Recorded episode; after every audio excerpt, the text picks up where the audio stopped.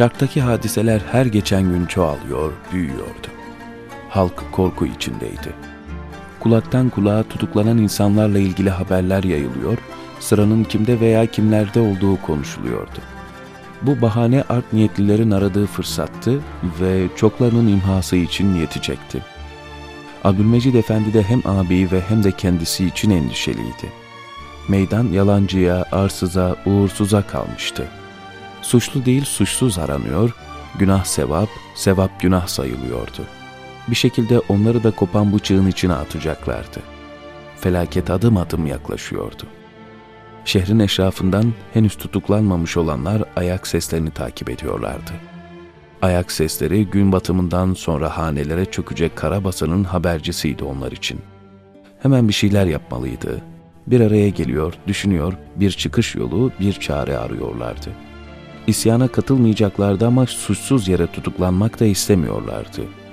Sonunda karar verildi. Hazırlıklara başlandı. Kaybedilecek vakit yoktu. En iyisi sınıra gitmek, İran'a kaçmaktı. Planlarını hem kendileri hem Seyda için yapıyorlardı. Ona dokunulmasına tahammül edemezlerdi. Şeyh Enver ve birkaç arkadaşı durumu anlatmak için Seyda'nın yanına koştu. Mağaravari odanın kapısına vardıklarında karanlık iyice bastırmıştı. Seyda misafirlerini içeriye aldı. Durumun vehametini anlattılar. Sınır tanımıyorlardı. Müftü Masum Efendi'yi bile almışlardı. Van müftüsü hem yaşlı hem adı gibi masumdu. Ona ulaşan el herkese bulaşırdı. Seyda'ya da aynı hoyratlığın yapılmasına izin veremezlerdi. Bunu halk da kabullenmez, asıl o zaman fırtına kopar, asıl ziyan işte o zaman başlardı. Planlarını anlattılar. O tamam derse onlar gerisini hallederlerdi. Seyda bir şey demedi. İstişare etmek için müsaade istedi. İçinden bir yere gitmek gelmiyordu. Anadolu İslam'ın son karakoluydu. Orada yitirilen orada bulunurdu. İslam milletlerinin sancaktarlığı oranın hakkıydı. Gün dişini sıkıp dayanma günüydü.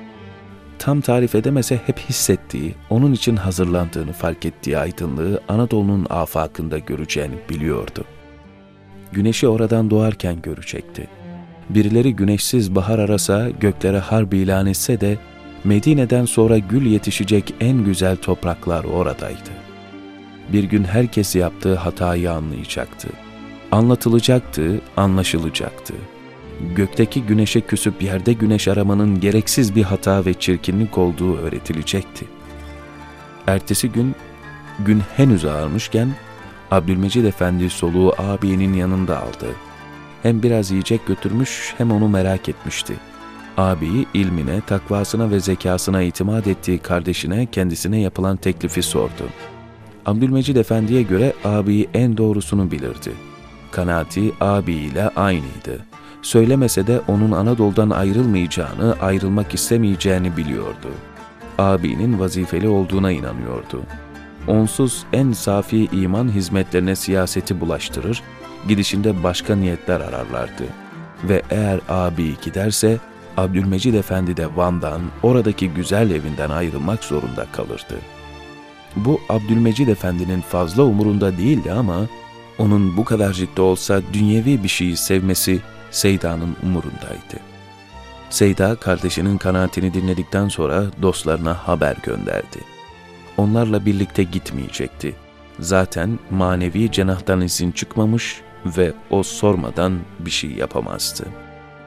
O gitmedi fakat dünyaları dünyalar kadar olan insanların bu terki dünya adamı bir dağın başında bırakmaya hiç de niyetleri yoktu. Van'ın bütün ileri gelenleri karakollara toplanmıştı. Sonunda onun hakkındaki emir de geldi. Sürgüne gönderilecekti. Sabri Paşa'nın eli kolu bağlanmış, yapabileceği bir şey kalmamıştı.''